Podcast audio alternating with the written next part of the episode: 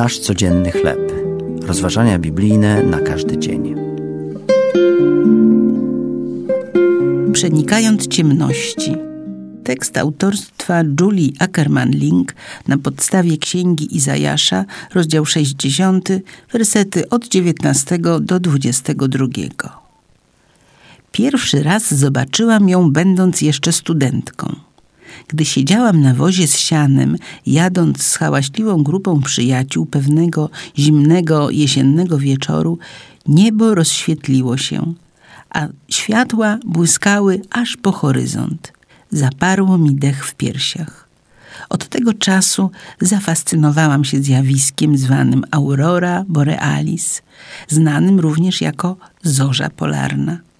Przeważnie można ją zaobserwować na północy, gdzie mieszkałam, lecz czasami pojawia się na niższych szerokościach geograficznych.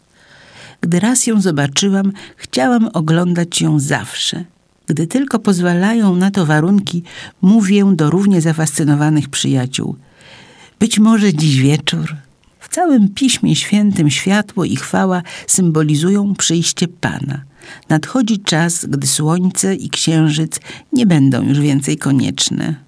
Gdy apostoł Jan opisywał Boga na tronie, powiedział: Ten, który na nim siedział, podobny był z wyglądu do kamienia jaspisowego i karneolowego, a wokoło tronu tęcza, podobna z wyglądu do szmaragdu.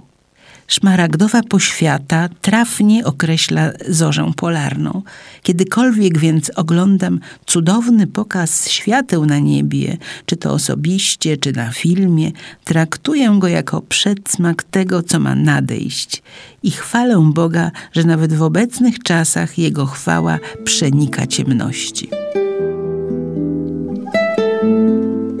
To były rozważania biblijne na każdy dzień. Nasz codzienny chleb.